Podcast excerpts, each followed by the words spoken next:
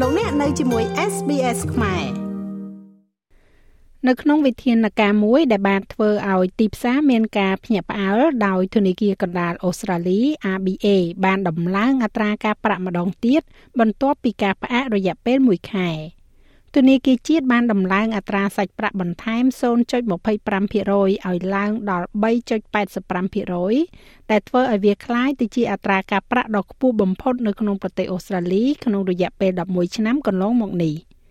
ការសម្រេចចិត្តនេះបានកើតឡើងនៅមុនការប្រកាសកញ្ចប់ថវិកាសហព័ន្ធនៅសប្តាហ៍ក្រោយ។ អភិបាលធនាគារកណ្ដាល ABA លោក Philip Lowe មានប្រសាសន៍ថាអត្រាអតិផរណានៅតែខ្ពស់ពេកនៅក្នុងកម្រិត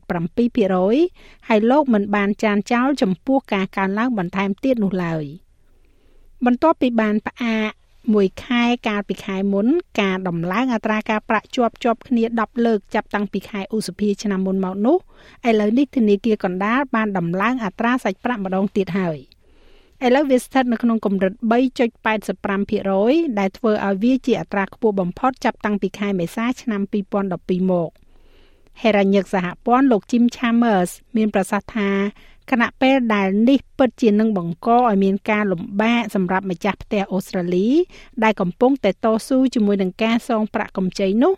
ការដំឡើងអត្រាការប្រាក់ឲ្យខ្ពស់គឺចាំបាច់ដើម្បីប្រយុទ្ធតស៊ូទៅនឹងអតិផរណា។ Today the Reserve Bank has lifted interest rates ថ្ងៃនេះធនាគារកណ្ដាលបានដំឡើងអត្រាការប្រាក់0.25%នេះគឺជាការសម្រេចចិត្តដ៏លំបាកមួយសម្រាប់ប្រជាជនអូស្ត្រាលីជាច្រើនដែលស្ថិតនៅក្រោមសម្ពាធរួចស្រាប់ទៅហើយនេះគឺជាការរំលឹកថាអតិផរណានៅតែជាបញ្ហាប្រឈមចម្បងនៅក្នុងសេដ្ឋកិច្ចរបស់យើងនេះគឺជាការរំលឹកពីលក្ខខណ្ឌសេដ្ឋកិច្ចដ៏លំបាកដែលយើងកំណត់កញ្ចប់ថវិកាលើកទី2នេះ។ អ្នកនាំពាក្យរដ្ឋាភិបាលរបស់គណៈបកប្រឆាំងគឺលោក Angus Taylor មានប្រសាសន៍ថាការសម្រេចចិត្តនេះនឹងដាក់សម្ពាធយ៉ាងខ្លាំងទៅលើម្ចាស់ផ្ទះអូស្ត្រាលី We've just seen the 10th increase យើងទើបតែបានឃើញការកើនឡើងអត្រាការប្រាក់លើកទី10ចាប់តាំងពីការបោះឆ្នោតមក ហើយសម្រាប់ក្រុមគ្រួសារអូស្ត្រាលីដែលមានប្រាក់កម្ចីទិញផ្ទះចំនួន750,000ដុល្លារមានន័យថាពួកគេកំពុងតែបង់បន្ថែមច្រើនជាង1700ដុល្លារក្នុងមួយខែលើសពីអ្វីដែលពួកគេបានសងវិញនៅក្នុងខែឧសភាឆ្នាំមុនអ្នកដែលមានប្រាក់កម្ចីជាច្រើនទៀតនឹងទទួលបានអារម្មណ៍នៃការឈឺចាប់ផ្នែកសេដ្ឋកិច្ចនេះនៅពេលដែលប្រាក់កម្ចីអត្រាការប្រាក់ថេររបស់ពួកគេនឹងត្រូវបញ្ចប់នៅប្រមាណខែខាងមុខទៀត។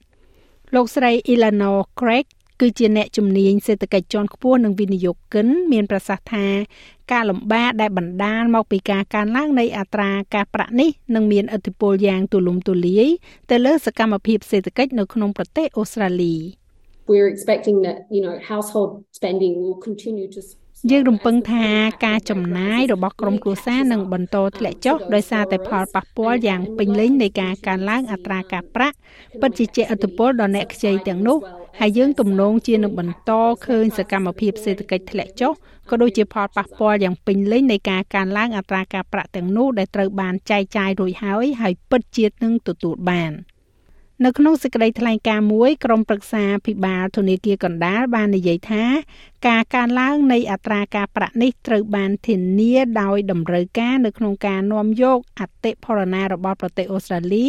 ឲ្យត្រឡប់មកវិញស្របទៅតាមគោលដៅដែលបានកំណត់ ជាមួយនឹងអតិផរណាស្ថិតនៅ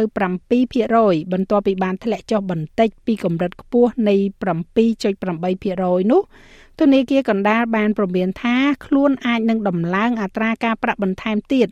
លុះត្រាតែអត្រាអតិផរណាធ្លាក់ចុះដល់កម្រិតដែលអាចទទួលយកបាន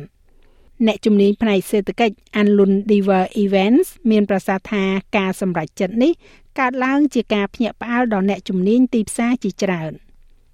we can't really say that that is the end of the hiking cycle they've យើងពិតជាមិនអាចនិយាយបានថានោះជាចុងបញ្ចប់នៃវដ្តនៃការកើនឡើងយ៉ាងខ្ពស់នោះទេពួកគេបានកោទីផ្សារបន្តិចនៅទីនេះហើយពួកគេពិតជាបានប្រឆាំងទៅនឹងទីផ្សារហើយបានបើកលទ្ធភាពដែលថាអាចនឹងមានការកើនឡើងខ្ពស់នៃអត្រាការប្រាក់បន្ថែមទៀតនៅតាមផ្លូវ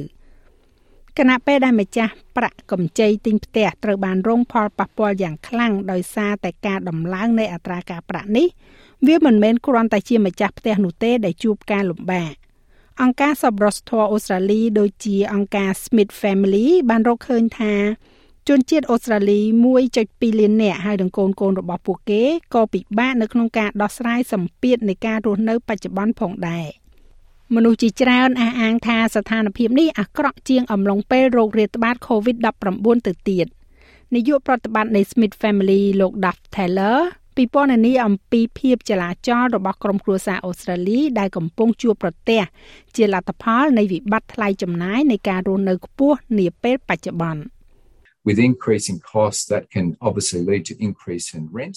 ជាមួយនឹងការកើនឡើងនៃការចំណាយដែលអាចនាំឲ្យមានថ្លៃជួលកើនឡើងថ្លៃជួលសម្រាប់ក្រុមគ្រួសារអាចមានន័យថាគ្រួសារដែលមានប្រាក់ចំណូលទាបត្រូវការផ្លាស់ទីនិងស្វែងរកទីកន្លែងស្នាក់នៅដែលពួកគេអាចមានលទ្ធភាពជួលបានហើយជាការប៉ុណ្ណាវាគឺជាការរំខានយ៉ាងខ្លាំងដល់ក្រុមគ្រួសារប៉ុន្តែវាក៏ជាការរំខានជាពិសេសសម្រាប់កុមារនិងការសិក្សារបស់ពួកគេផងដែរ។ សកម្មភាពរបស់ធនាគារកណ្ដាល ABA នេះទំនងជាបង្កឲ្យមានការឈឺចាប់បន្ថែមទៀតទៅដល់ក្រុមគ្រួសារអូស្ត្រាលីដោយសារថារដ្ឋាភិបាលប្រឈមមុខនឹងការអំពាវនាវកាន់តែច្រើនឡើងដើម្បីកាត់បន្ថយសម្ពាធទៅលើថ្លៃចំណាយនៃការរស់នៅ នៅក្នុងកញ្ចប់ថវិកាដែលត្រូវប្រកាសនៅសប្តាហ៍ក្រោយនេះ ចាស់ហើយរបាយការណ៍នេះចងក្រងឡើងដោយ Tim Watson និង Angelica Wade សម្រាប់ SBS News ហើយប្រែសម្រួលសម្រាប់ការផ្សាយរបស់ SBS ខ្មែរដោយនាងខ្ញុំហៃសុផារ៉ានីចង់ស្ដាប់រឿងរ៉ាវបែបនេះបន្ថែមទៀតទេ ស្ដាប់នៅលើ Apple Podcast Google Podcast Spotify ឬកម្មវិធីដទៃទៀតដែលលោកអ្នកមាន។